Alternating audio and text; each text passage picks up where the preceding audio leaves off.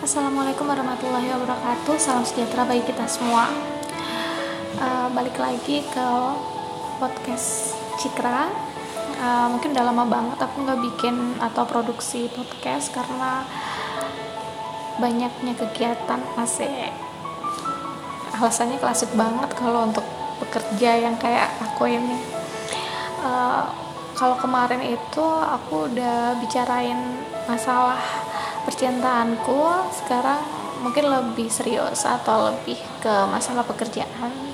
Jadi aku tuh pengen bahas masalah kerjaanku sekarang karena emang sedikit menjadi apa ya kekhawatiran atau menjadi pemikiranku untuk beberapa hari ini gitu. Oke, mungkin aku akan menceritakan historinya, terus kekhawatiranku seperti apa, terus sama aku akan uh, harapanku harapanku itu seperti apa. Jadi kayak aku lagi curcol atau lagi dear diary gitu di sini. Uh, tahun 2019 kemarin Ombudsman RI itu kan buka seleksi. Dan seleksi itu bukan hanya bagi asisten tapi juga kepala perwakilan. Kepala perwakilan itu untuk tiga provinsi calon asisten untuk 13 provinsi. Dengan total kebutuhan ada 80 orang. Jadi kalau udah ditambah sama kaper itu udah 83 dong itu tepatnya 18 November 2019 itu aku ikut pendaftaran dari seleksi administrasi, ujian tertulis, personal assessment, tes psikotes. Yang terakhir ujian wawancara. Jadi di 18 November itu aku tahu kalau misalnya itu kan hasil seleksi tuh kalau aku lolos. Padahal aku juga lagi daftar CPNS cuman karena di ombudsman aku udah lolos jadi aku lebih mempertahankan ombudsman. Kemudian uh, kita akan tahu kalau misalnya ombudsman itu kan berdiri karena undang-undang. Dari undang-undang itu banyak turunannya tuh termasuk untuk masalah penjenjangan karir asisten. Itu diatur di PO nomor 42 tahun 2020 dengan ini perubahan yang kedua. Yang pertama itu di tahun 2012 di situ dijelaskan bahwa calon asisten yang udah diterima waktu tanggal 18 November 2019 tadi harus atau wajib mengikuti lulus masa percobaan selama satu tahun dengan meliputi ke, dengan melakukan kegiatan pelatihan pembentukan asisten dan pelatihan kerja. Itu di 2019 jadi aku daftar ulang itu di 2000 awal 2020 daftar ulangnya Desember 2019 terus masuk kerjanya itu di Januari 2020 oke okay. Januari Februari masih aman nih. Tapi di bulan di tanggal 2 Maret 2020 tepatnya itu kan di Indonesia kita ditemukan kasus positif coronavirus 2019 di Indonesia ya kan? Dan dari situ juga pemerintah menyatakan adanya pandemi wabah COVID-19 dari situ, pemerintah menyikapi pandemi dengan memperlakukan kebijakan pembatasan sosial berskala besar atau disingkat PSBB. Terus di tahun 2021 kita lebih kenal PPKM, pemberlakuan pembatasan kegiatan masyarakat. Jadi tahun 2020 dari bulan Maret itu kita udah kita kalau nggak salah mengenal pandemi gelombang pertama, gelombang kedua dan gelombang ketiga, ya kan? Di mana itu aku masih calon asisten kami mendapatkan pendidikan induksi dari kepala perwakilan juga dari asisten-asisten yang lama waktu itu. Udah udah dari situ. Kemudian nih udah berlangsung kan ya? Di 2021 tepatnya 4 Januari 2021 80 calon asisten yang lulus masa percobaan saat itu dilantik menjadi asisten pratama dengan pangkat pratama 1 jadi fungsi asisten itu udah melekat dari situ, yaitu melaksanakan pengawasan penyelenggaraan pelayanan publik sebagai pegawai fungsional. Jadi kita itu statusnya pegawai tetap. Kebanyakan orang pasti tanya, "Eh, kamu ini PNS ya?" Lain. Kita ini pegawai tetap, lain PNS. kita dapat gaji, kita dapat insentif, tapi kita nggak dapat uh, jaminan masa tua. Itu bedanya. Oke okay, itu di 2021 ya. Tapi di pelantikan 4 Januari 4 Januari 2021 itu ya karena masih wabah kan pelantikan kita melalui zoom meeting. Jadi kayak ngerasa ngena ngena nggak ngena gitu. Ini kami ini udah calon ini sudah asisten apa masih calon asisten gitu kan. Tapi nggak membuat kita apa ya kayak berpikiran oh, kayaknya aku masih calon enggak tapi dengan dilantiknya itu kami udah mulai semakin positif bahwa kami harus benar-benar melaksanakan fungsi dan tugas kami sebagai asisten. Asik. Dan tahu nggak ternyata bukan ternyata sih emang udah ada dasarnya juga bahwa tugas pokok asisten itu ada 99 uraian tugas pokoknya jadi kalau mau aku jabarin kayaknya panjang banget dan 93 99 itu udah kayak semua husna gak sih oke okay.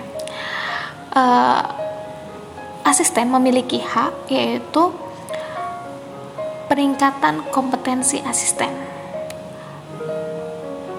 Peningkatan kompetensi asisten itu ada tiga, pendidikan, pelatihan teknis fungsional, dan pengembangan kompetensi lainnya sesuai dengan ketentuan peraturan perundang-undangan. Oke, kita bahas yang dua kegiatan aja, pendidikan, pelatihan teknis fungsional. Masalah pendidikan, mungkin kita sudah dapat pendidikan induksi di tahun 2020. Itu udah udah udah selesai pendidikan induksi di 2020 di awal 2020 tapi dari situ sampai sekarang kami yang asisten 2000 dilantiknya tahun 2020 itu belum mendapatkan pendidikan lagi untuk untuk pengembangan karir. Jadi sebenarnya kayak sedikit sedih gitu loh menyayangkan bahwa peningkatan kompetensi asisten ini belum kami dapatkan. Apalagi kami kan dilantiknya bulan Januari kemudian di bulan berikutnya uh, anggota ombudsman atau pimpinan kami dilantik juga uh, untuk periode 2021-2025 jadi mungkin dari peralihan anggota ini sedikit uh, memperlambat sesuatu atau seperti apa. Tapi uh, kesayangan ini atau apa ya kekhawatiran kekhawatiran ini bukan hanya untuk asisten pertama tingkat satu untuk aku ya atau asisten 2021 tapi ternyata juga dirasakan oleh asisten pertama tingkat 2 yang telah melaksanakan pendidikan kenaikan pangkat untuk menjadi asisten muda jadi mereka udah melakukan pendidikan, udah melakukan uh, ujian, wawancara dan lain sebagainya. Tapi juga sampai saat ini, saat ini itu adalah bulan Juni 2021. Jadi udah enam bulan ini kami masih belum mendapatkan pendidikan atau juga kalau dari asisten pertama ke asisten muda belum mendapatkan kepastian dari pendidikan yang telah dilalui. Jadi itu kekhawatiranku. Kenapa kayak siapa sih yang nggak pengen dapat pendidikan? Kayak gitu sih. Mungkin ada, mungkin ada ya di luar sana yang ya udahlah kita juga dapat pendidikan dari pengalaman sekarang ya kan? Dari sehari harinya kita yang udah melaksanakan tugas itu sudah melaksanakan uh, fungsi dan tugas atau melayani masyarakat tersebut. Cuman emang kita kalau aku sedikit menyayangkan hal tersebut gitu loh.